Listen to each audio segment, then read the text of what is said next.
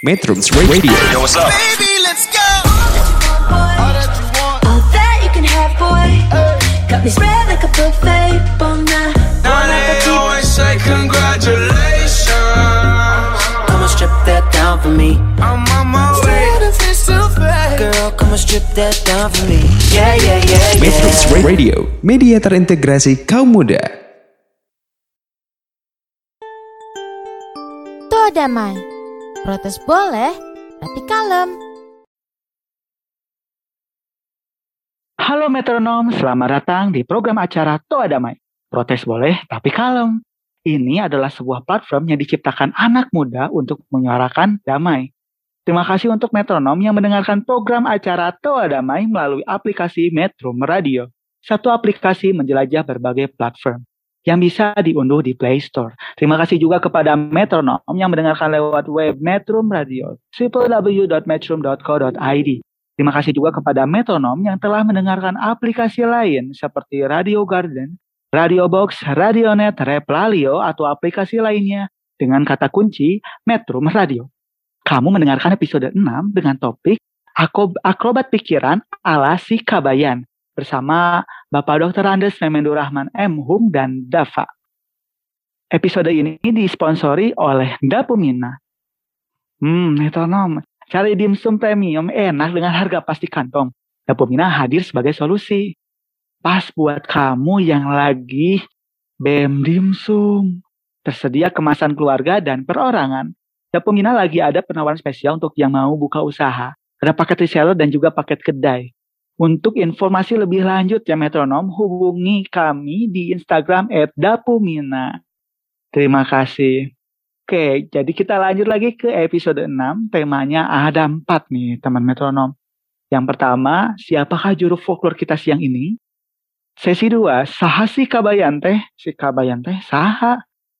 Sesi 3, belajar dari si kabayan. Dan sesi 4, masa depan si kabayan.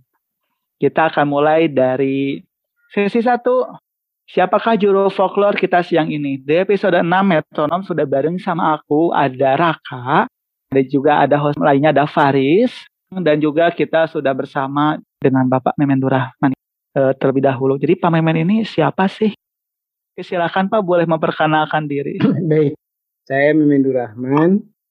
Pekerjaan sehari-hari mengajar di Departemen Pendidikan Bahasa dan Sastra Indonesia, FEBS UPI, bidang keahlian folklore atau sastra lisan.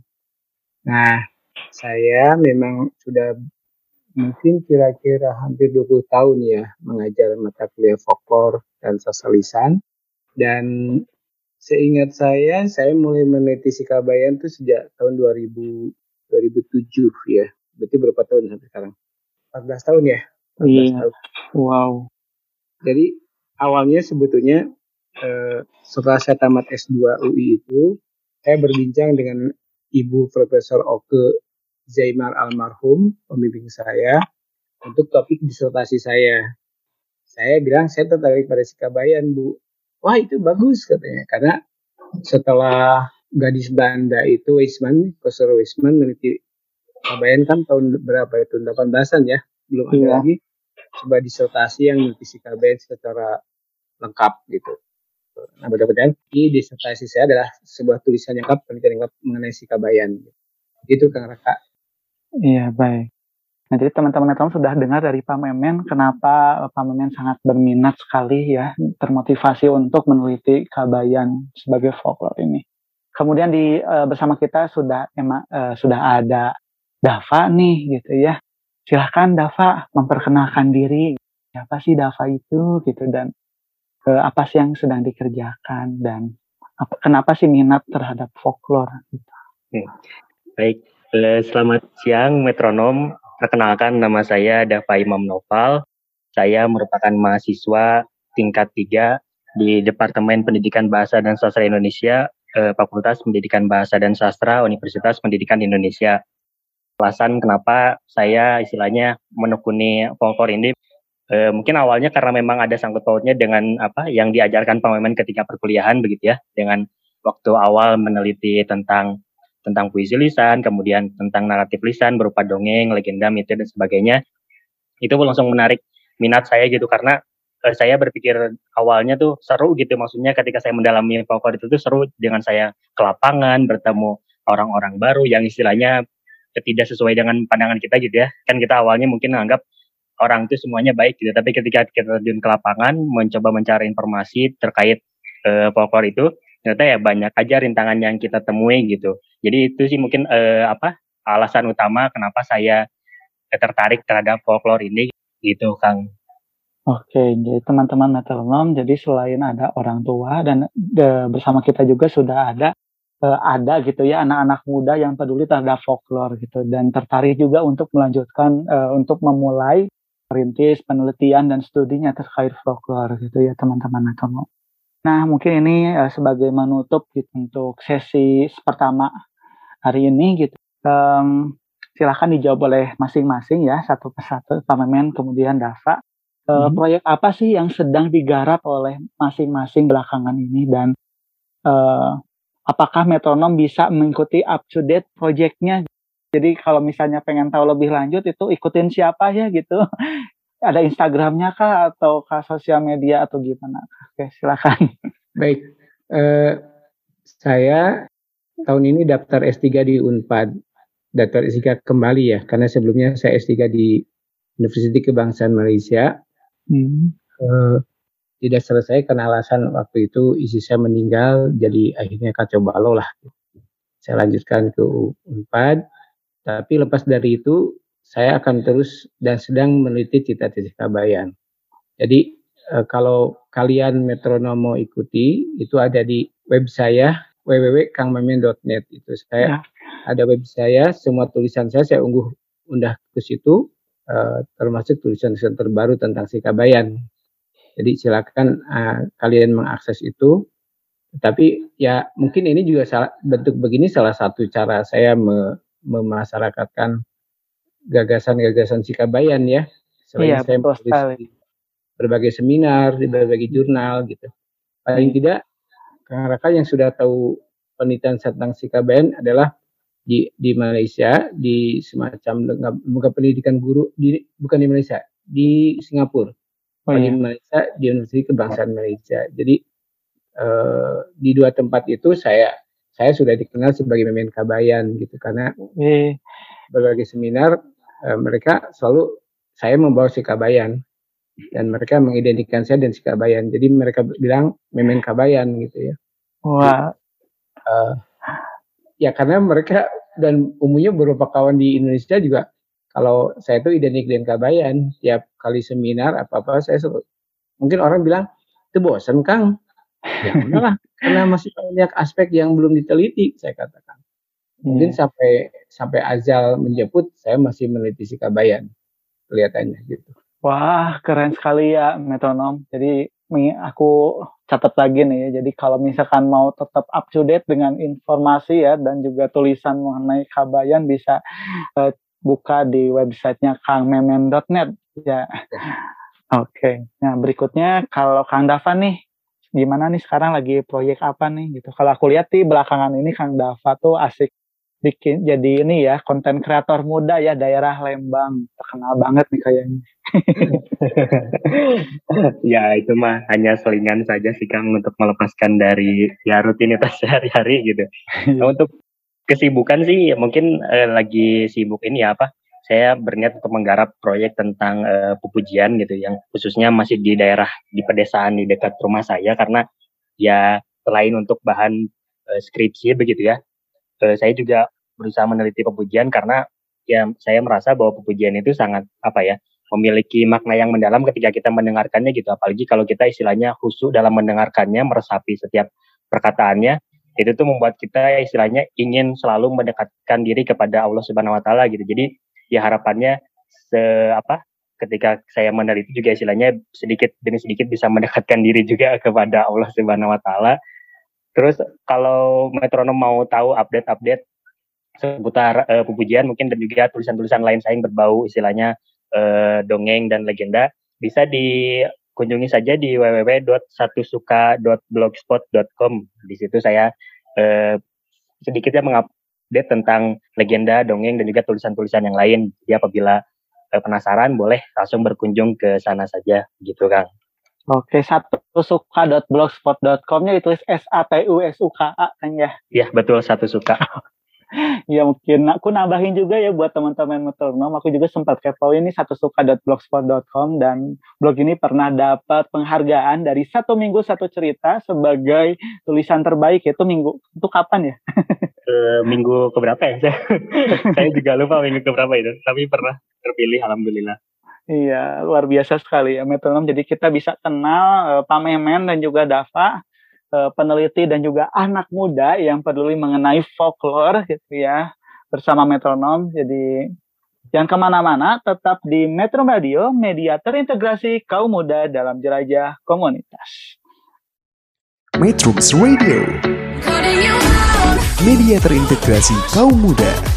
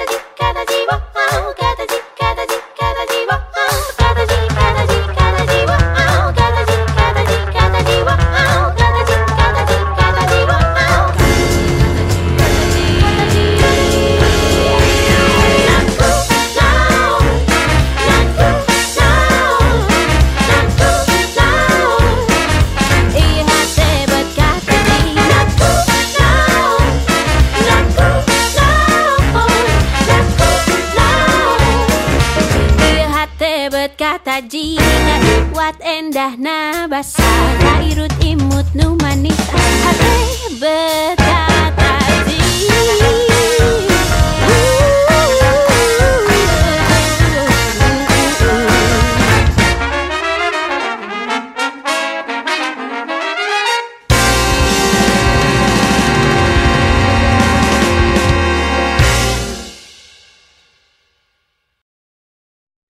Metrums Radio,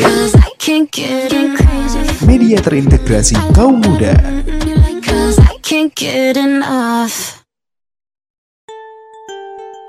Toa damai. Protes boleh, tapi kalem. Kamu masih mendengarkan program acara Toa Damai di Metrum Radio. Nah, setelah perkenalan dengan narasumber kita, mari kita berkenalan dengan tokoh utama dalam perbincangan siang ini. Siapakah si Kabayan? Orang eksentrik, pemalas, atau sufi? Nah, silakan Pak Memen dan Kang Dava jelaskan kepada metronom. Siapakah itu Kabayan? Baik, eh, Kang Kabayan itu adalah tokoh rekaan ya, tokoh yang sebetulnya tidak ada di dunia nyata, tokoh utama dalam cerita jenaka Sunda. Nah, Kabayan ini kalau menurut Profesor Snukurunggunye termasuk tokoh humor yang sangat kuat dibanding tokoh humor lainnya di Nusantara. Gitu. Jadi cerita si Kabayan masih hidup, sementara cerita-cerita jenaka yang lain sudah mati. Misalnya cerita Pak Belalang, Pak Kadok di Sumatera itu, Sumatera Barat sudah pada mati. Atau tokoh lain di Jawa, misalnya eh, tokoh ada tokoh namanya tuh Ki Joko Bodo ya. Ki Joko Bodo juga dulu sebenarnya setara dengan Sekabayan. Tapi orang Jawa sekarang sudah tidak mengenal lagi sebagai tokoh cerita jenaka. Nah, tinggal si Kabayan yang masih hidup. Bersyukur si Kabayan ber- bertahan dalam gempuran zaman. Dia bahkan tidak hanya bertahan, tapi kemudian bermetamorfosis jadi film, jadi eh, bahan cerita pendek oleh Kanggo Suwarna, misalnya menjadi cerita anak-anak, menjadi komik gitu di, di Sunda kaya sekali. Nah itu bagian saya, saya sudah meneliti itu, Eh, sehingga eh, karena inilah si KBN bertahan, cerita si KBN bertahan. Kenapa? Karena orang Sunda sangat kreatif dan termasuk juga tidak tidak tidak apa ya, tidak melarang etnis lain menulis te- tentang si Kabayan. Ternyata ada juga etnis lain yang yang menulis si Kabayan ya. Jadi tidak hanya orang Sunda yang menulis tentang si Kabayan. mungkin nanti tugas saya lah, tugas Pak Memen untuk menerjemahkannya dan membawanya ke seminar-seminar di seluruh dunia sehingga orang nanti akan mengenal bahwa ada tokoh humor sufistik sekelas Nasruddin Hoja yaitu Sikabayan. Jadi itulah tokoh Sikabayan ya sebenarnya tokoh yang sebenarnya tokoh yang hanya ada dalam rekaan. Jadi dan itu sering menjadi uh, jadi semacam apa? Kadang-kadang jadi ejekan, jadi ironi, jadi ketika misalnya ada orang uh, malas, ah, mana mah jika sikabayan, kamu kayak sikabayan. Tapi ada orang yang pinter, ini jika sikabayan juga gitu. Artinya sikabayan itu tidak hanya bodoh, tidak hanya pinter, tidak hanya malas, tidak hanya rajin, lengkap sebagai manusia gitu. Dia memiliki banyak segi, memiliki banyak sisi yang yang memang uh, itulah manusia, itulah sikabayan gitu. Tidak tidak hanya tidak hanya satu segi saja bahwa dia malas, saya protes besar, protes keras kalau orang mengatakan Iskaba itu malas. Gitu. Itu saya kira Kang Kakak, mudah-mudahan nanti saya akan menulis lengkap tentang Sikabayan lah. Iya. Eh, jadi nambah PR lagi ya, jadi sambil menjelaskan sambil nambah PR.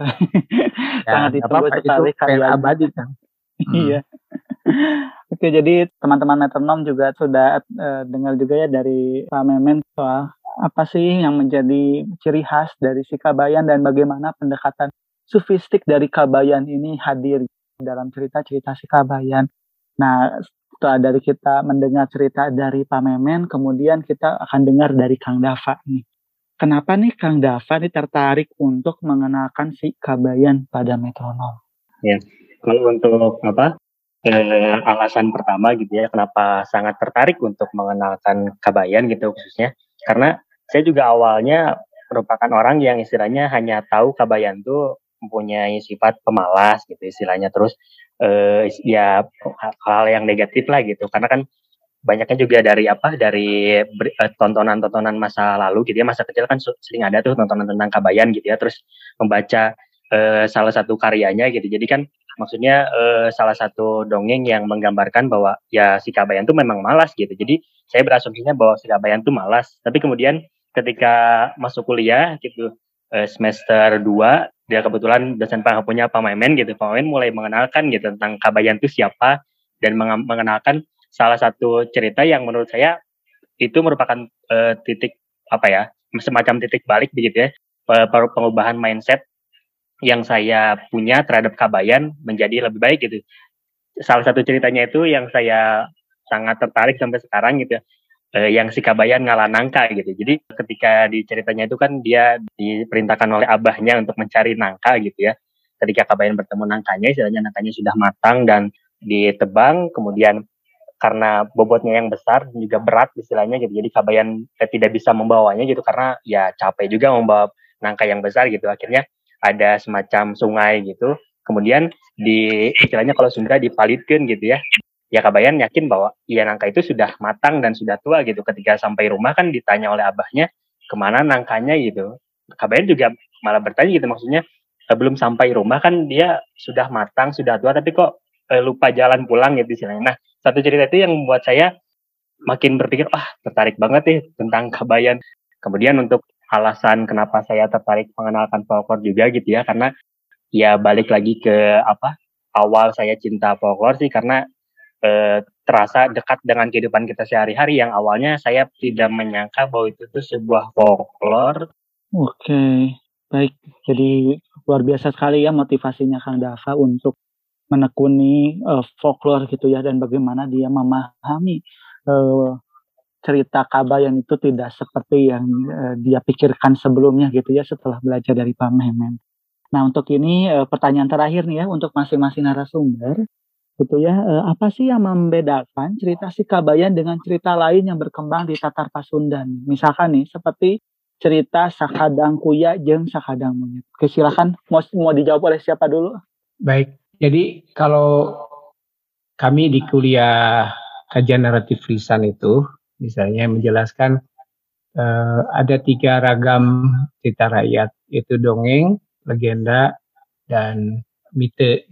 Nah, kalau Kabayan dengan dan tadi sekadang kue dan semuanya itu sebenarnya masuk ke dalam kategori dongeng gitu ya. Hanya kalau sekadang kuya kan dongeng fabel gitu ya. Sementara kalau Kabayan adalah dongeng jenaka atau cerita humor. Kalau Kabayan menyampaikan gagasannya itu dengan humor, dengan jenaka. Kenapa? Karena orang tua kita itu sangat bijaksana. Menyindir apa, menyindir apa, memberitahu orang tuh lebih mudah dengan humor. Gitu. Dengan kalau dengan humor, eh, kritik yang pedas pun tidak dirasakan pedas. Gitu. Nah, kalau si KBN itu menurut saya masuk pada kategori humor wit. Humor itu tuh humor yang tertinggi, yang tidak tidak semua orang kadang bisa paham itu humor. Walaupun sebagian orang paham ya si KBN itu memang jenaka. Tetapi banyak orang tidak paham pada hakikat teks-teks si kabayan gitu. Kenapa? Karena orang terbatas pemahamannya gitu tadi. Mengapa mereka terbatas pemahamannya? Pertama, karena manusia hidup dengan prasangka.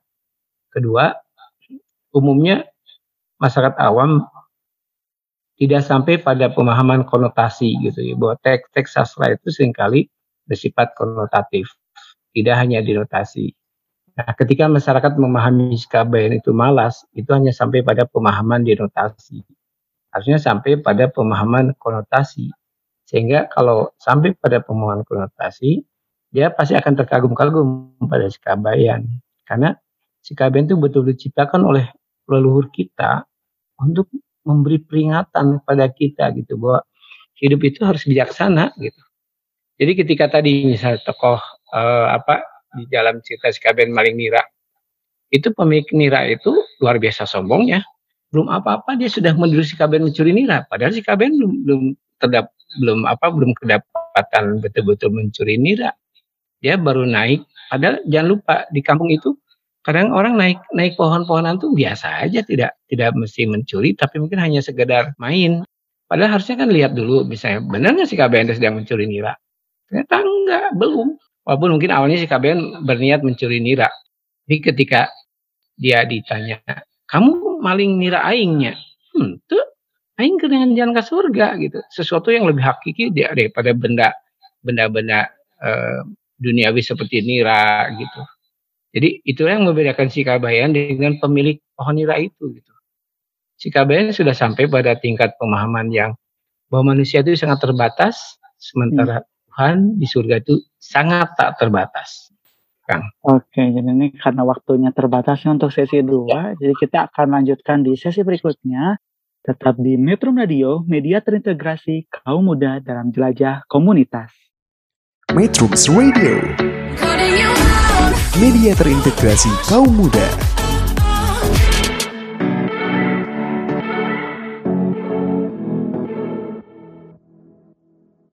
Saudara-saudari sadayana di mana pun wae ayana Inilah jejak Sunda yang penuh karisma.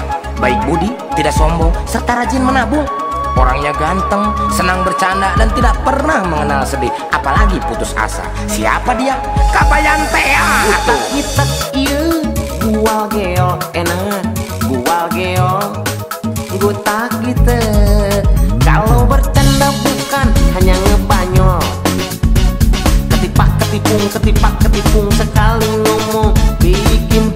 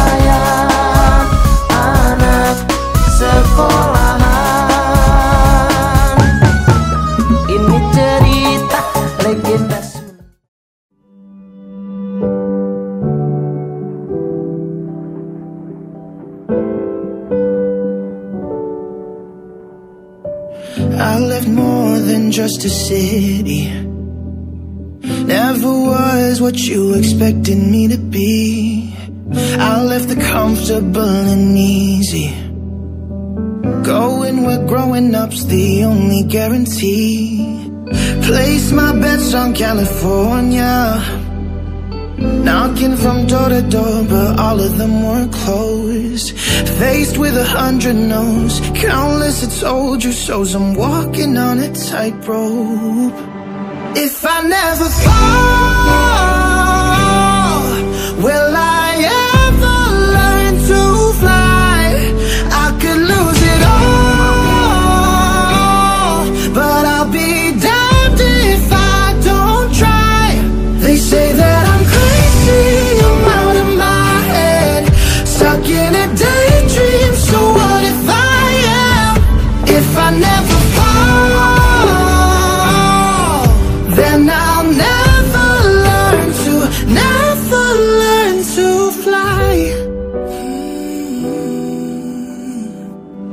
Too used to taking in opinions. Too used to letting empty words get to me. No longer asking for permission. It's about time to be who I wanna be. Though it gets overwhelming, I'm gonna keep on trying, walking on this tightrope. If I never fall,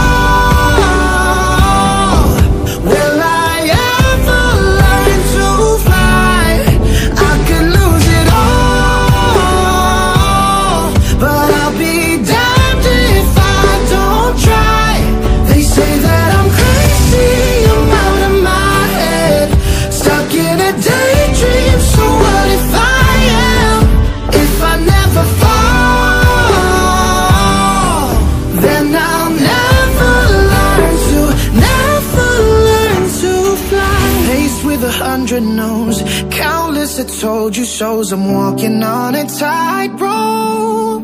If I never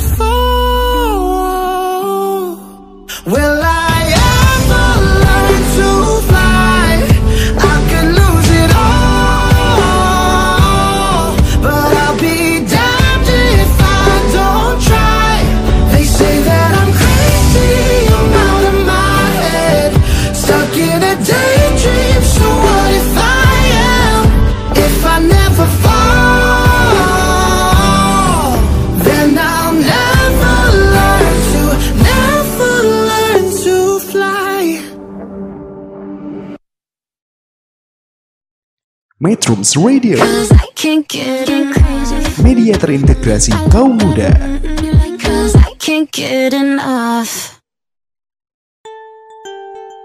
Toa damai. Protes boleh, tapi kalem. Kamu masih mendengarkan program acara Toa Damai di Metrum Radio. Sesi 3, belajar dari Sikabayan. Buat teman-teman metronom yang bersekolah di daerah Jawa Barat, pastinya pernah mengenal cerita Sikabayan dari LKS Pelajaran Bahasa Sunda. Aku juga sih, aku di Garut eh, sekolahnya dan belajar banyak soal Kabayan gitu ya. Soal terus eh, ya dari LKS tebel-tebel aku ingat banget. Nah, apa sih yang teman-teman metronom ingat dari cerita tersebut? Kelucuannya kah? Kecerdikannya kah? Nah, kalau saya gitu ya, ter- selalu teringat cerita si Kabayan itu ada yang pura-pura jadi penunggu pohon keramat gitu. Cara menyamarnya juga nggak kalah lucu karena dia membalurkan peyem ke wajah dan tubuhnya supaya kelihatan kayak hantu. Untuk menyegarkan kembali cerita-cerita si Kabayan yang pernah kita dengar, yuk kita simak penjelasan bagaimana cerita si Kabayan berubah dari waktu ke waktu seiring dengan perubahan medium dari tradisi lisan ke tulisan, lalu kembali ke tradisi lisan kedua gitu. Nah, silakan Kang Dava bantu menjelaskan kembali nih penyelidikan yang dilakukan oleh Pak Memen dalam jurnalnya. Baik, kalau di dalam jurnalnya Pak Memen begitu ya, eh, beliau kan menyoroti tentang cerita Cikabayan di tradisi lisan, kemudian beralih ke tradisi tulis, kemudian ke tradisi kelisanan kedua begitu ya. Yang tradisi kelisanan kedua yang di, di sini bisa dipahami adalah pengangkatan ke layar lebar mungkinnya seperti eh, film dan juga drama dan sebagainya gitu. Jadi eh, cerita Sikabayan mengalami beberapa apa pasti mengalami beberapa pengurangan ataupun penambahan yang yang pasti akan berbeda dengan uh, jenis yang pertama gitu ya mengenai uh, sikabayan dalam tradisi lisan itu pasti akan berbeda sekali karena apabila kita berbicara terkait uh, pengangkatan dari tradisi lisan ke tradisi tulis kan itu pasti ada nilai-nilai yang mungkin disesuaikan dengan tujuan misalnya uh, dibukukan cerita kabayan-kabayan itu. Ada semacam penyesuaian buku ini untuk siapa gitu apakah untuk anak-anak ataupun untuk anak SMA ataupun untuk e, halayak umum gitu kan pasti akan disesuaikan dari bahasa ataupun makna yang istilahnya bisa didapatkan sekali baca dari cerita tersebut gitu. Jadi pasti akan mengalami banyak perubahan. Kemudian berubah ke tradisi kelisanan kedua yaitu pengangkatan ke layar lebar gitu ini juga pasti akan berbeda sekali gitu dari uh, tradisi tulis maupun dari tradisi lisannya karena ya uh, di sini juga dipertimbangkan dengan baik makna dan juga alur cerita kabayan itu supaya menarik minat penonton gitu. Kalau misalnya meminjam pendapat Ibu Adiati Amir sih sebetulnya uh, sastra itu kan kalau misalnya mau tetap bertahan hidup gitu ya genre-genrenya mau tetap bertahan sampai masa yang akan datang itu harus bisa berimprovisasi dengan masyarakat kekinian gitu. Kalau di pamen gitu ya, di jurnalnya beliau kan menyampaikan apa karakteristik-karakteristik cerita Kabayan di dalam eh, tradisi lisan, tradisi tulis dan tradisi kesanan kedua gitu. Contohnya kalau misalnya eh, dalam tradisi lisan itu eh, karakteristiknya karakteristiknya populer gitu karena kan memang ya cerita itu istilahnya eh, banyak diterangkan oleh masyarakat-masyarakat misalnya oleh guru ngaji kepada eh, santri-santrinya misalkan supaya tidak ber perilaku seperti kabayan misalnya seperti itu. Terus kemudian berlanjut ke karakteristik di tradisi tulis ya strukturnya memang sederhana gitu karena kan mengejar eh, makna yang bisa didapat oleh pembaca dalam sekali baca atau sekali dua kali baca gitu. Jadi pemak, eh, pembaca tidak perlu eh, meluangkan waktu yang banyak untuk memahami eh, cerita Kabayan di buku tertulis itu gitu. Kemudian yang terakhir mungkin di kelisanan keduanya ya mendominasi pasti dialog gitu ya. Di film mana mungkin sih eh, kekurangan dialog gitu. Jadi istilahnya nanti kalau kekurangan dialog ya hampa gitu. Filmnya tanpa ada dialog-dialog. Terus juga ada proses penciptaannya gitu bagaimana uh, penciptaan dari tradisi kelisanan kedua dari tradisi tulis dan juga dari tradisi lisan itu sangat berbeda sekali mungkin itu yang bisa disampaikan sedikit Wow, luar biasa. Jadi yang tadi saya tangkap sih yang berkesan bagi saya adalah uh, rekreasi, reproduksi kekelisanan kedua ini menjadi yang kalau buat saya pribadi ya Raka itu jadi ingat bagaimana Jepang mereproduksi stereotip-stereotip dan sejarah dan juga kesadaran kolektif mereka ke dalam judul-judul anime baru dengan tokoh yang baru. Oke, okay. nah berikutnya ini akan dipandu oleh Kang Faris ya, silahkan. Selamat siang metronom, terima kasih untuk kesempatannya. Tadi pembahasan yang menarik banget soal tradisi kelisanan kedua dan bagaimana dia reproduksi kembali tokoh-tokoh lama diangkat ke layar lebar. Sekarang kita akan masuk ke pembahasan tentang bagaimana sih si pengarang itu membuat karakter Kabayan jadi sesuatu yang kalau menurut Pak Memen di sesi pertama eh, dan kedua sebelumnya itu manusiawi itu bisa jadi sangat sofistik kayak Nasruddin Hoja bisa juga jadi tokoh yang licik gitu. Tapi kalau saya baca dari jurnal gitu dan ingat lagi cerita Kabayan dia bisa kayak gitu karena ditempatkan dengan tokoh-tokoh yang lain kayak Ite, kemudian Abah, Ambu, atau pemilik Nira tadi gitu ya yang uh, jadi perbandingan kalau Kabayan tuh nyari hakikat yang lebih tinggi, kalau si pemilik Nira itu uh, sangat materialis gitu ya. Nah kalau misalkan Kabayan ini ditempatkan dengan uh, berbagai tokoh lainnya, itu apakah bakal memunculkan karakteristik yang berbeda? Terus dinamikanya itu kayak gimana? Mungkin bisa dijelaskan oleh Pak Memen maupun Dava kepada metronom. Baik, baik uh, metronom sekalian. Ya seperti yang tadi saya jelaskan Kang Faris ya. Jadi si KBN itu memang kelasnya di atas tokoh-tokoh lain gitu ya. Jadi kalau misalnya dengan Abah saja ya, dengan Abah. Selama ini kan eh, tadi cerita yang dikutip oleh Dava yang KBN Ngalanangka itu kan sebetulnya itu sebuah cerita yang menyindir orang tua, orang tua seperti Abah, lupa jalan pulang. Kenapa? Karena dulu di Sunda itu orang tua itu suka suka judi dan main perempuan, lalu lupa pulang ke isi pertamanya gitu. Makanya bagus sekali dengan cerita si KBN Ngalanangka yang nangkanya itu di, dihanyutkan di sungai, Lalu ketika Abah bertanya, mana nangkanya? Menang kabayan? Menang. Ada nangkanya, ada. Loh, mana nangkanya? Kan tadi sudah saya suruh pulang, Abah. Loh, ya kan masa nangka sudah dewasa, sudah tahu tua, nggak tahu jalan pulang. Itu semua sindiran sekali ke Abah sebetulnya. Pulang itu situ bisa sangat banyak sekali pengertiannya, pemahamannya ya, maknanya bisa pulang dalam pengertian pulang kembali betul-betul ke akhirat kepada Tuhan.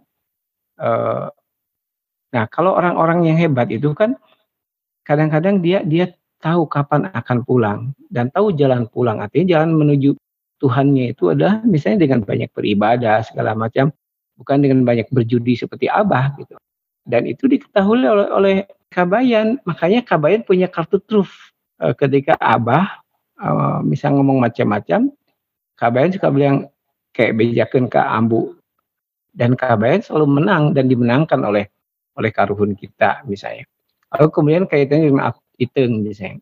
Iteng adalah contoh kisah sejatinya, kisah sejatinya Kabayan. Iteng dan Kabayan itu nggak pernah berpikir bercerai. Walaupun Abah, Ambu kadang-kadang nyuruh Iteng minta cerai kepada Kabayan. Tapi kata Iteng, nah make pepirak, nah make pepegatan. Kang Kabayan selama ini cukup-cukup saja memberi saya nafkah. Jadi itu contoh pasangan Kabayan yang luar biasa yang tidak pernah saya dalam dalam sebuah analisis mengatakan itu itu adalah cinta sejatinya Kabayan yang tidak pernah berpikir bercerai apa pun kondisinya. Nah, itu kan sebenarnya merujuk juga pada ajaran Islam bahwa perempuan itu surganya ada pada suami gitu itu apa pun yang terjadi buat itu kabayan itu adalah pujaannya seorang yang harus ditaatinya gitu walaupun misalnya kita si kabayan menang lotre itu dan kabayan tuh berantem membayangkan nanti kalau dapat lotre mau beli apa kalau itu bilang membeli mobil dulu biar bisa pelesir kabayan bilang membeli rumah dulu biar kita nggak usah pang di abah di ambu gitu ya. mereka berantem terus gitu ketika Abah dan Ambu uh, menegur mereka, mereka bilang, "Kenaon marane ke pasea?" Nah, make pasea kan ngarah ke mengges menang lotre itu guru pasea deui. Nah, itu kadang kita kan suka begitu ya. Belum hmm. apa sudah ribut gitu. Padahal lotrenya belum tentu dapat gitu. Tapi dia bilang supaya nah atuh bet pasea heula ngarah selesai. Manusia itu ya bekerja harusnya kan step by step gitu ada tokoh lain misalnya tokoh-tokoh sahabat-sahabat Kabayan ya Kiar Kiar Nasib segala macam itu hmm. tokoh-tokoh yang memang eh, semacam prototip yang ada di di di hidup keseharian gitu mereka kadang-kadang memandang si Kabayan sebagai se seorang yang hebat kadang-kadang memandang si Kabayan juga sebagai manusia yang mungkin uh, apa ya wajar direndahkan hmm. nah dalam cerita yang lain misalnya Kang Godi Suwarna bagus sekali menulis si Kabayan dalam cerpen Gual Guil gitu ya. Dalam cerpen Kanggudi itu, si Kabayan muncul menjadi seorang yang mengkhianati demokrasi segala macam gitu. Ketika dia jadi calon lurah, calon kubu, uh, dia dia manipulasi itu suara itu sehingga akhirnya dia menjadi uh, kepala desa. Ternyata si Kabayan pun bisa bisa menjadi manusia seserakah itu. Nah, setelah jadi kepala desa, dia membangun setiap kali membangun proyek masjid jalan itu dia selalu dapat uang dari para anemer uh, semacam uang sogok. Nah, sekali waktu akhirnya dia akan mendapat penghargaan dari bupati, tapi sebelum mendapat penghargaan itu tiba-tiba badan ini mumbul seperti bal blitter gitu. Duk duk duk duk duk duk. duk. Bahkan akhirnya dia dia mumbul ke langit dan di langit pecah dar. Dari perutnya keluar uang seratus ribuan. Padahal hmm. dalam banyak cerita si Kevin itu bor-bor serakah ya seolah tidak hmm. punya apa-apa tapi oleh Kang Godi di dalam cerpen itu diputar balikan gitu sehingga KBN itu serakah dan betul-betul seperti manusia Indonesia manusia Indonesia umumnya sekarang lah gitu ketika jadi politikus ya dia berebut proyek dan akhirnya uh, lupa pada pada siapa pun yang ingatnya kan bagaimana memperkaya diri gitu ternyata hmm. saya punya kesimpulan begini kekuasaan itu di tangan si Kabayan pun bisa menjadi serakah. Orang yang semula tidak serakah, orang semula tidak punya keinginan pun ketika mendapatkan kekuasaan, dia akan berubah menjadi serakah. Kenapa? Karena kekuasaan itu yang mengubahnya. Saya kira itu ya e, menarik. Jadi tokoh Kabayan itu unggul dibanding tokoh-tokoh lain gitu. Iya. Nah, tetapi sering kali ya karena karena dia ambivalen kadang-kadang digunakan contoh juga sebagai tokoh yang buruk gitu. Iya. Itu kan. Itu menarik sekali tadi pemaparannya luar biasa sekali ya dari perubahan konteks dan juga reproduksi dan juga konteks-konteks yang terhubung gitu ya dengan kabayan dengan situasi masa kini juga masalah-masalah kemanusiaan yang tersentuh olehnya. Masih membahas soal makna dan fungsi nih. Kalau sebelumnya nanti tadi itu Kang Dava jadi membaca dan memantik cerita si kabayan ya. Sekarang anggaplah Kang Dava jadi penulis ceritanya. Pertanyaannya nih ya, apakah cerita si Kabayan yang mengambil latar tempat kehidupan urban zaman sekarang gitu ya, si Kabayan tuh punya akun sosmed dan semacamnya akan berhasil dan masih bisa dikenali sebagai si Kabayan dalam tra cerita tradisionalnya. Ketika misalnya saya menjadi seorang penulis cerita Kabayan gitu ya, akan saya ceritakan Kabayan itu punya akun media sosial segala macamnya seperti layaknya generasi-generasi muda saat ini saja bagaimana gitu ya. Karena kalau misalnya niatnya untuk memperkenalkan kepada halayak umum begitu ya tentang cerita sekabayan kabayan tuh siapa sih istilahnya gitu dan juga sebagai bentuk pelestarian cerita-cerita kabayan ya cerita itu sah-sah saja dibuat gitu. Cuma mungkin akan kehilangan apa ya akan kehilangan hal-hal uh, yang memang terdapat di tradisi lisan gitu. Karena ya akan sangat berbeda sekali ketika tradisi lisan kemudian tradisi tulis dan juga ke tradisi kelisanan kedua. Contoh yang menarik adalah channel YouTube Tinggal di Indonesia Kaya. Saya pernah menonton ada drama musikal. Itu mengangkat uh, legenda Indonesia gitu legenda uh, Roro Jongrang cuma dikemas dengan bagian-bagian yang memang mencerminkan kehidupan zaman sekarang gitu kalau misalnya permintaan Roro Jongrang Jongrang pada saat itu uh, membangun seribu candi di dalam drama musikal ini jadi uh, si Bandung Bondowoso itu diminta untuk melakukan live YouTube gitu ya dengan penonton minimal satu juta gitu. Jadi ketika dia live harus ada yang menonton satu juta baru cintanya akan diterima oleh uh, Roro Jograng. Nah itu kan sebetulnya mempunyai kemiripan dengan legenda aslinya gitu ya. Hanya saja konteksnya beda gitu. Dia hal-hal seperti itu kan dibutuhkan saat ini gitu ya untuk tetap menjaga si sastra itu tetap hidup gitu. Di, di konteks ini kan cerita kabayan. Nah untuk menghidupkannya ya perlu dilakukan apa transmisi-transmisi seperti itu gitu terhadap tradisi kelisanan kedua. Salah satu contoh film yang mungkin bisa dikatakan terbaru dari uh, Kabayan yang mengangkat cerita Kabayan itu ada judulnya Kabayan jadi milioner yang dimainkan oleh Jenny Aditya kalau tidak salah dan juga Lianti Cartwright. Nah di situ ya masih apa masih kental sekali dengan apa cerita-cerita yang lekat dengan Kabayan gitu misalnya dia digambarkan sebagai sosok yang pemalas gitu dan abahnya sering memarahi Kabayan terus Iteng yang setia dengan Kabayan gitu nah itu modifikasinya modifikasi seperti itu menurut saya bagus sekali dilakukan di zaman ini supaya masyarakat awam terutama gitu ya uh, masih tetap mengenali legenda legenda-legenda atau ciri khas ciri khas dari daerahnya begitu. Saya boleh menambahkan Kang? Oke silakan sebelum kita nah, tutup sesi. Sebetulnya be beberapa waktu yang lalu pernah terjadi di Bandung ada ada satu event peristiwa yang berkaitan dengan revitalisasi Cita Sikabayan. Nah, saya yang beri materi dulu tentang Sikabayan, lalu dari sekian ratus orang itu menulis cerita Sikabayan, dipilih 101 cerita yang terbaik. Nah salah satunya itu ya Sikabayan itu sekarang menggunakan gadget, menggunakan HP segala macam gitu. Jadi Sikabayan hidup di, di masa modern yang yang memang tergantung pada media-media itu.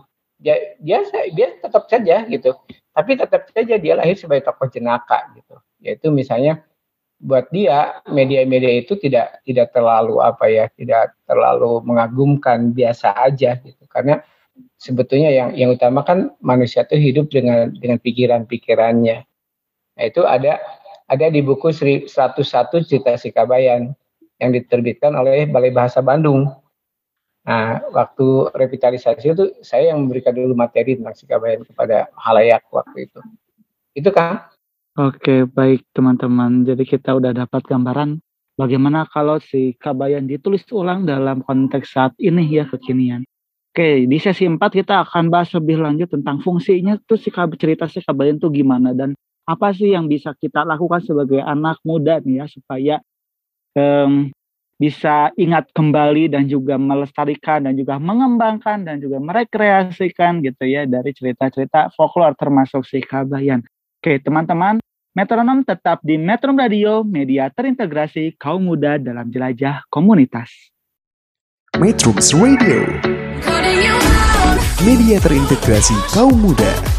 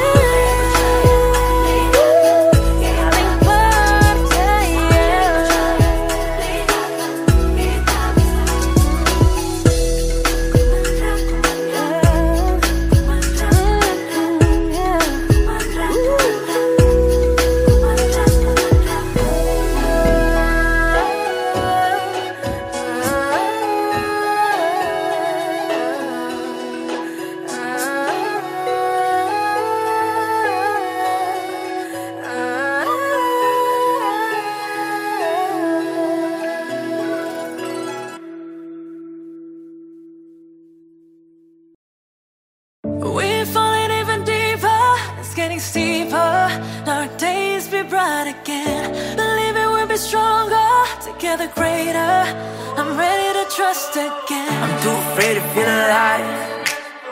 Decorated, pretty lies. I'm ready, love, ain't what I need. Cause I need a real thing. Show me with gold so everybody can see. Something I still love my some my delicacies. We could bring the world together over the seas. We abide for the peace from the west to the east. Yeah. We're falling even deeper, it's getting steeper. Dark days be bright again. Believe it will be stronger, together greater. I'm ready to trust again.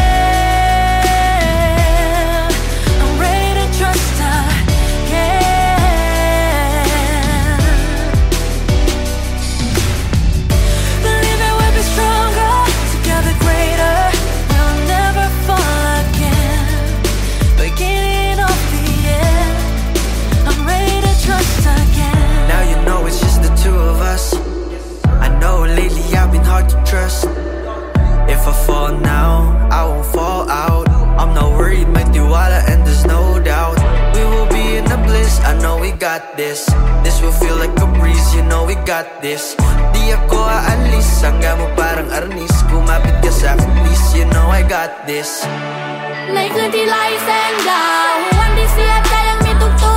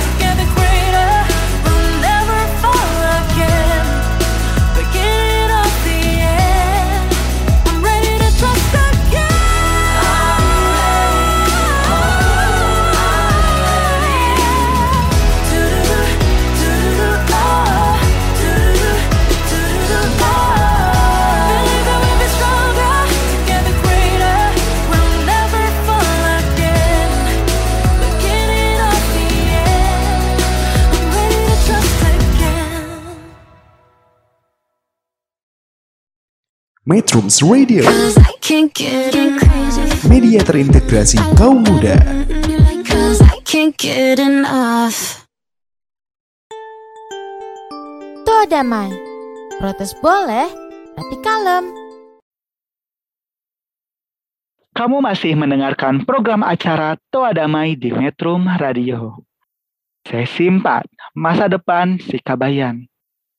Nah, jadi di sesi-sesi sebelumnya, tiga sesi sebelumnya kita sudah mendengarkan apa sih itu Sikabayan, bagaimana Sikabayan, kemudian ada beberapa cerita Sikabayan yang, yang sudah dibagikan kepada metronom. Nah, sekarang kita memaha cari tahu nih sebenarnya fungsi cerita si kabayan itu apa sih yang paling dibutuhkan di zaman sekarang gitu. Apakah fungsi pengesahan kebudayaan, pengendali sosial, alat pendidikan, hiburan, atau protes? Nah, silakan Pak Memen. Baik, eh, ada banyak fungsi yang bisa dilakukan oleh cerita, cerita Sikabayan seperti itu ya. Misalnya salah satunya adalah fungsi proyeksi. Misalnya di dalam cerita tadi Sikabayan apa eh, ngalan nangka yang dikutip Dava itu, itu kan proyeksi bahwa kita masyarakat Sunda tuh menginginkan orang dewasa tuh ya dewasa lah, jangan seperti abah dewasa tapi bubudaken gitu. Harusnya abah memberi contoh, tidak harus ditegur oleh Sikabayan dengan cerita itu gitu, sehingga ya abah itu betul-betul jadi orang tua gitu. Nah di cerita yang lain juga misalnya kadang-kadang abah itu tidak tidak apa ya tidak tidak dewasa, tekoloten kalau kata orang Sunda. Misalnya ada satu cerita yang gini misalnya, ketika mereka mengambil ijuk, abah dan kabayan itu pergi ke hutan untuk mengambil ijuk gitu. Nah tetapi kabayan timbul rasa isengnya gitu untuk ngerjain abah gitu ya. Lalu kabayan masuk ke ke apa ke panggulan ijuk itu kan orang Sunda suka ada ijuk tuh di depan dan di belakang dipakai tanggungan gitu ya. Eh, kata abah "Teh, ini berat-berat amat ijuk berarti banyak sekali ya. Ketika sampai ke rumah, Kabayan berkeluar dari ijuk tuh, wah dasar ontohot ya Kabayan. Nah, kemudian eh, berikutnya mereka pun pergi lagi pada hari yang lain ke hutan. Kabayan tahu Abah akan membalas. Nah, tapi Abah, pun sudah menyiapkan jurus ya untuk untuk menaklukkan Abah gitu. Jadi ketika Abah masuk ke Ijuk yang mau dipikul Kabayan, Kabayan pura-pura gini, saya bakar dulu lah Ijuknya karena banyak ulat gitu. Nah, Abah kan takut gitu, takut kebakar, dia keluar. Terus kata Abah Bayan, iya Abah, kenapa jika budak atuh? Abah masuk ke Ijuk. Nah, Abah tidak bisa apa-apa. Nah, itu banyak sekali Kang, cerita yang yang nyaris semua cerita itu berpihak pada si Kabayan gitu.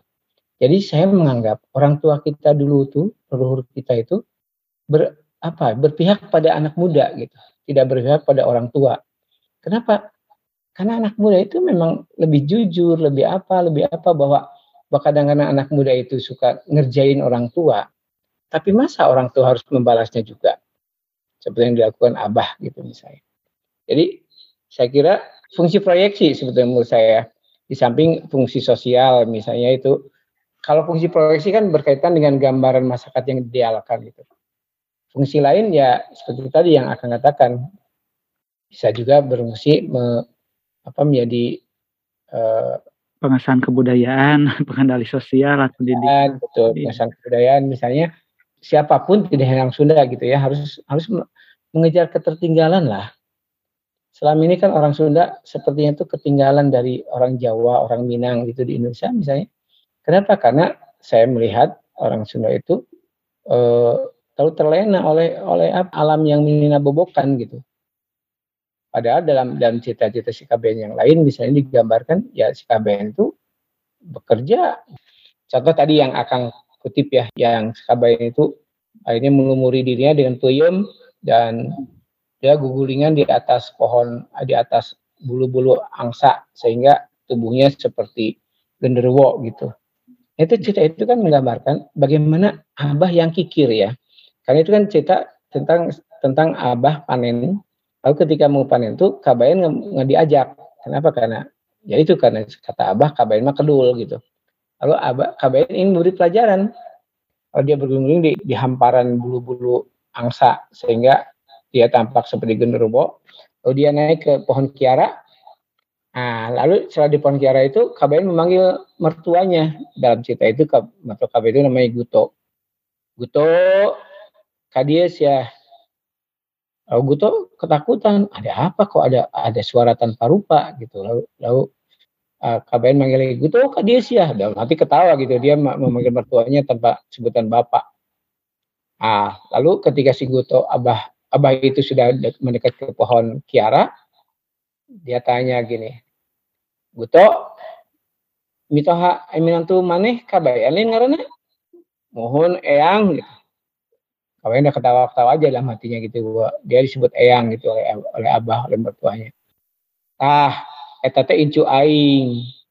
Kade omat sia ulah ulah ulah koretnya. Bagi setengah panen sia jeung kabayan. Ya eyang, ya eyang gitu. Oh. Malamnya dia panggil oleh abah. Kabayan ka dia sih ya. Eh, hasil panen abah setengah sewangnya kabarin senyum-senyum aja? Nggak usah abah nggak usah gitu. Padahal dia dia yang ngerjain gitu. Jadi ada banyak cara orang untuk menegur orang kikir gitu. Kalau kita meminjam puisi dari Haji Hasan Mustafa misalnya Haji Hasan Mustafa mengatakan gini kita ditanya ya mama kumacara nggak e, ngelingan jalma anu matre? Ya ku matre deui cina ku ku, ku kabandaan deui. Nah itu contoh bahwa cara yang dilakukan KBN seperti itu itu kan cara hanya cara saja gitu. Hanya cara saja dan dan itu jenius sekali gitu. Kalau tidak dengan gitu abah nggak akan takluk. Dengan cara itu abah bertekuk lutut pada kabayan yang disebutnya embah gitu eyang gitu. Nah itu contohnya. Jadi ada ada banyak fungsi dari cita si kabayan termasuk fungsi pengesah kebudayaan termasuk pengendali sosial gitu. Jadi lengkap gitu cita si kabayan itu sebetulnya uh, kalau kita me menggunakan teori fungsi dari dari apa uh, William Baskom misalnya tadi atau dari Pak James Dananjaya atau juga dari Pak Sulipan lengkap gitu. Tetes Gaben itu uh, memiliki banyak fungsi dan kenapa? Karena karena keragaman cita Kabayan gitu. Kemudian ini pertanyaan berikutnya nih ya, ini untuk kita semua gitu ya. Seandainya kita diminta untuk menjelaskan cerita si Kabayan nih ke orang luar negeri dan ke anak cucu kita. Apa sih yang akan kita sampaikan pada mereka? Baik. Yang terutama saya akan sampaikan kepada masyarakat luar negeri atau anak-anak kita gitu, bahwa si Kabayan itu adalah sebuah cerita metafora panjang atau kami menyebutnya alegori gitu ya, yang memberi semacam teguran atau sapaan kepada masyarakat agar kita hidup itu ya tidak boleh egois gitu. Banyak sekali ya sebenarnya kalau kalau saya rinci itu banyak sekali gagasan tentang uh, cita cita itu. Tapi intinya dia menjaga kehidupan itu supaya harmoni supaya juga saling menghargai supaya juga tetap ingat pada Tuhan gitu ya. Ingat juga pada masyarakat tidak boleh uh, sombong karena kita kaya raya misalnya. Ada banyak cerita KBN yang menegur orang kaya ya sebetulnya. Jadi hmm. dan itu kan sebetulnya dibutuhkan banget oleh kita untuk menjaga harmoni supaya kita menjadi orang tuh tahu diri, menjadi bijaksana, menjadi membuat hidupnya lebih nyaman lah gitu intinya. Saya kira itu intinya ya sebetulnya Kang. Oke. Okay. Itu, Kang. iya. Jadi itu uh, perspektif bagaimana kita menurun kepada anak cucu. Kemudian kita coba tanya anak mudanya nih ya sama Kang Dava. Ya. Nah, apa sih yang bisa anak muda lakukan tentang folklore gitu ya yang ada di sekitarnya? Kita kudu ngapain nih? nah, apa sih yang bisa kita lakukan? Nah, silakan Kang Dava. Baik, kalau berbicara terkait apa yang bisa kita lakukan begitu ya, yang hal yang paling utama dan mendasar bagi anak muda mungkin adalah mencoba mengenali terlebih dahulu ya tentang folklore ataupun tentang budaya-budaya di sekitar kita yang tentu eh, setiap budaya itu pasti positif gitu ya. Kita harus mengenali terlebih dahulu budaya kita apa, di daerah kita apa. Kemudian setelah kita mengenali, kita coba menggali informasi tentang kebudayaan itu tuh seperti apa. Kalau kita bicara di sini mungkin tentang folklore gitu ya, tentang cerita misalnya cerita kebayan ataupun cerita-cerita yang lain yang ada di daerah kita. Atau saya ambil contoh misalnya tentang penamaan satu daerah saja misalkan. Kan penamaan satu daerah itu tidak apa ya, bukan bukan berdasarkan hanya asal menamai saja gitu, tapi pasti ada cerita-cerita yang membuat daerah itu tuh dinamakan seperti itu. Misalnya dulu daerah itu eh, daerah kekuasaan raja Anu misalkan, atau ada cerita apa yang bisa membuat eh, daerah itu tuh jadi bernama seperti itu. Nah, hal-hal kecil seperti itu sebetulnya apabila kita peka gitu sebagai anak muda peka terhadap fenomena-fenomena seperti itu itu akan memicu kita untuk terus penasaran terhadap uh, folklore-folklore yang lain gitu. Tentang dongeng, tentang mite, tentang legenda atau tentang puisi lisan segala macam itu akan istilahnya men-trigger kita gitu untuk mencari tahu info-info yang lain. Misalnya ah saya pengen ke daerah Bandung misalkan. Ada apa sih di daerah Bandung gitu. Atau daerah Sukabumi ada dongeng apa sih yang populer di sana gitu yang di pelosok-pelosok uh, mana gitu ada, ada ada dongeng yang populer atau apa. Nah itu sebetulnya hal kerja seperti itu yang istilahnya bisa dilakukan anak muda. Apalagi kan anak muda ya masih aktif gitu ya. Maksudnya uh, dia bisa bebas berekspresi ke mana saja gitu dalam lingkungan yang positif gitu. Nah mungkin seperti itu sih Kang yang bisa dilakukan anak muda gitu ya sebagai anak muda untuk melestarikan ataupun uh, apa ya merawat si folklore ini atau kebudayaan ini supaya tetap uh, tetap hidup sampai ke anak cucu kita nanti. Oke, jadi kata kuncinya adalah kreativitas tanpa batas dari anak muda. Oke, betul ya. Setuju Kang, saya setuju banget. iya. Nah, jawaban kita tadi tentunya datang dari keragaman bahan bacaan masing-masing. Nah, agar kita semua terdorong untuk terus belajar dan menjaga warisan budaya kita, termasuk supaya pesan kita tadi bisa sampai ke generasi berikutnya nih. Apakah Pak Mahemen dan Dava punya referensi seperti artikel, buku, atau film untuk direkomendasikan kepada metronom? Uh, tulisan-tulisan saya di web saya mungkin bisa itu, Kang. Oke. Okay. Silakan buka www.kangbamen.net itu ya. Oke, okay, noted ya. Nah, kelihatannya ada banyak. Misalnya tadi buku yang diterbitkan oleh Bahasa itu, yang 1001 101 cita si KBN bisa jadi referensi juga. Itu ditulis oleh oh, beragam orang dari beragam daerah, dari beragam umur juga gitu, dari yang tertua sampai yang termuda gitu. Menarik itu. Uh, nanti mungkin sekali waktu mungkin saya bisa kirim ke metronom ya uh, itu kopinya misalnya. Ya, boleh banget Pak ditunggu. Luar biasa. Terus Aduh, iya. iya. Mungkin nanti saya akan nulis banyak juga di pikiran rakyat dan Mangle ya. Eh, Iya. selama ini saya agak absen gitu. Kenapa? Karena saya menugasi diri saya, Kang, untuk tidak hanya bicara soal kabayan sih ya. Pada ini saya ingin kembali orang-orang itu mengenali tradisinya, mengenali budayanya seperti orang Jepang memahami kebudayaannya gitu. Jepang adalah contoh terbaik tentang sebuah bangsa yang menghargai kebudayaannya, menghargai folklornya, menghargai semua tradisinya gitu. Mereka menjadi modern tanpa harus kehilangan tradisi. Itu contoh yang luar biasa gitu. Kita kadang-kadang baru belum jadi modern tapi udah merupakan tradisi gitu. Jadi kan tradisi itu diciptakan oleh leluhur kita bertahun-tahun bergenerasi-generasi eh itu mungkin paling cocok buat kita. Sebagai contoh misalnya tradisi kita makan lalap nih. Orang Sunda karena kita umumnya hidup di pegunungan, ya lalap itu tumbuh dengan baik dan ternyata lalap itu kan dari segi kesehatan luar biasa gitu. Iya. Sekarang orang bilang harus makanan berserat, itu semua ada di lalap kan di sayuran gitu. Jadi Hmm. kalau kita kembali kepada tradisi makan orang Sunda, mungkin nggak ada penyakit-penyakit kolesterol gitu segala macam itu. Kenapa? Karena kita terjaga gitu eh, nutrisinya gitu. Makan itu kan juga tidak berlebihan. Kenapa kita akhirnya duduk harus duduk sila? Karena ketika duduk sila itu eh, beda dengan duduk di kursi. Makanan itu tidak akan tidak akan berlebihan gitu, cukup sepertiganya seperti yang diajarkan oleh Rasulullah misalnya. Kenapa juga harus diakel misalnya? Nasi itu kan ketika diakel asap uap asapnya itu kan pergi dan itu yang yang buat penyakit gitu. Kenapa ketika kita terus makan nasi padang yang tanpa diakel banyak penyakit kan gitu. Tapi ketika orang Sunda makan diakel itu nasi itu yang yang ada tidak panas tapi hangat gitu. Tidak dingin juga tapi hangat gitu. Beda kan gitu. Jadi kalau kita kembali kepada tradisi sebetulnya itulah yang sesuai dengan hidup kita gitu. Kalau kita kembali ke tradisi itu, insya Allah kita akan jauh lebih sehat. Saya kira begitu, Kang. Oke. Kalau dari eh, Kang Dava gimana?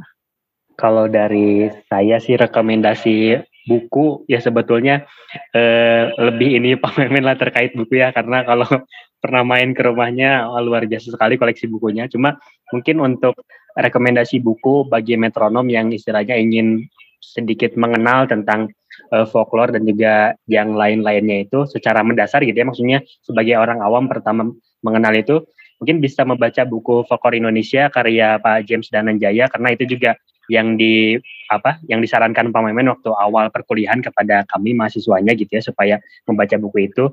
Dan yang memang lengkap buku-buku itu juga apa membahas tentang eh, genre eh, fo- sastra itu seperti apa aja gitu. Dan juga berisi banyak eh, contoh-contoh eh, apa ya humor-humor gitu gitu. Jadi pas kita bacanya tuh pasti dijamin bikin kita ketawa gitu. Kalau metronom nggak percaya eh, coba baca aja coba cari buku folklore Indonesia karya Pak James Dananjaya. Saya yakin bacanya bakalan sambil ketawa-ketawa. Terus kalau rekomendasi film ya mungkin film yang tadi ya yang pernah yang saya bicarakan di awal film tentang Kabayan itu Kabayan jadi milioner. Coba di itu bisa dijadikan salah satu apa ya contoh juga sih untuk melihat bagaimana cer- cerita Kabayan itu di dalam tradisi kelisanan kedua begitu. Oke, baik metronom. Nah, ini sudah eh, kita sudah mendapatkan rekomendasi buku ya yang keren-keren dan juga referensi lainnya dari Pak Memen dan Kang Dava. Nah, sebagai penutup dari siaran hari ini, ya, silakan bagi Pak Memen dan Dava untuk menyampaikan eh, pesan-pesan gitu ya kepada metronom. Silakan. Saya berpesan kepada masyarakat, kembalilah kepada tradisi gitu ya. Kembalilah kenali tradisi kita, milik kita. Jangan menganggap tradisi itu kuno dan tidak apa ya, tidak available gitu. Padahal tradisi itu lahir dari proses yang alamiah, bergenerasi bergenerasi beratus-ratus tahun. Itu simbolik sekali sebetulnya. Artinya itulah yang disebut dengan kearifan lokal gitu. Jadi kearifan lokal itu kan sesuatu yang sebetulnya milik kita sendiri gitu, cuman dianggap asing karena kita terlalu silau dengan kebudayaan-kebudayaan asing gitu. Sehingga kita melupakan apa yang yang milik kita sendiri gitu. Saya kira Oh. itu ya. Oke, berikutnya dari Kang Dava, silakan. Kalau dari saya betul apa yang disampaikan momen tadi begitu ya. E, kita apa harus kembali lagi kepada tradisi, jangan melupakan tradisi lah gitu. Karena menurut pandangan saya pribadi dan juga istilahnya melalui proses e, pencarian dan analisis segala macam bahwa konsep-konsep yang tersaji dalam tradisi itu yang dibuat oleh leluhur kita begitu ya. Itu tuh sudah istilahnya uh, sudah paling benar lah gitu paling paling aman tuh menurut seperti itu contohnya misalnya uh, tentang uga gitu ya tentang uga jadi kepercayaan masyarakat bahwa Bandung ini akan di keem kucai gitu ya akan selalu banjir apabila daerah atas sudah tidak memiliki pepohonan gitu artinya pohon-pohonnya sudah ditebang dan dijadikan bangunan bangunan-bangunan yang istilahnya mengurangi resapan air jadi ketika bagian atas atau bagian lembang itu sudah tidak punya pepohonan ya Bandung itu tinggal menunggu waktu saja untuk akan untuk terus banjir gitu istilahnya di Kucai. Nah, pandangan-pandangan seperti itu kan pandangan leluhur yang sangat apa ya, yang sangat arif lah gitu, bijaksana, bisa dijadikan pelajaran juga. Salah satunya mungkin dari pujian ya yang saya dalami begitu bahwa ya kalau kita menghadapi kehidupan modern sekarang gitu ya dengan maraknya teknologi dan juga masuknya budaya-budaya barat yang bertentangan dengan budaya timur gitu ya, budaya Indonesia ataupun uh, agama Islam ya pujian itu berusaha mengingatkan kita untuk kembalilah kepada agama gitu istilahnya. Nah, jadi benar seperti Pak Momen yang tadi sampaikan gitu bahwa ya jangan pernah lah melupakan tradisi gitu. Kalau misalnya kalimat dari saya sebagai kalimat penutup sih jangan pernah malu dan lelah untuk terus melestarikan tradisi-tradisi di lingkungan kita. Begitu. Oke, baik teman-teman metronom kita udah mendengar pesan-pesan dari Pak Memen dan Kang Oke, jadi di di episode 6 kita sudah uh, melakukan empat sesi siaran ya dengan masing-masing temanya itu adalah sesi satu siapakah juru folklore kita siang ini, sesi dua sasi kabayan teh, si kabayan teh saha, sesi tiga belajar dari si kabayan dan sesi empat masa depan si kabayan itu ya. Nah untuk teman-teman metronom uh, terus saksikan episode Toa Damai ya. Yang berikutnya ada spoiler ya, ada episode 7 kita akan ngobrol-ngobrol tentang mimesis. Mimesis itu apa ya? Dan juga buku yang akan kita bahas berikutnya adalah virus akal budi. Oke teman-teman Metro pasti penasarannya dan ikuti terus Tawa Damai di Metro Radio dan juga di layanan podcast lainnya gitu ya. Salah satunya ada Spotify, Google Podcast dan masih banyak lagi. Saya Raka Katesna dan juga ada host Faris dan beserta narasumber Pak Memen dan Kang Dafa pamit undur diri sampai jumpa di episode berikutnya. Sampai jumpa. Uh, sampai jumpa semua. Sampai jumpa metronom tetap jadi diri sendiri ya. Metrums Radio. Yo, what's up? Baby, let's go. All that you want, all that you can have, boy. Got me spread like a buffet, bon Now they always say congratulations. Come on, strip that down for me. I'm on my way. Girl, come on, strip that down for me. Yeah, yeah, yeah, yeah. Metrums Radio, media terintegrasi kaum muda.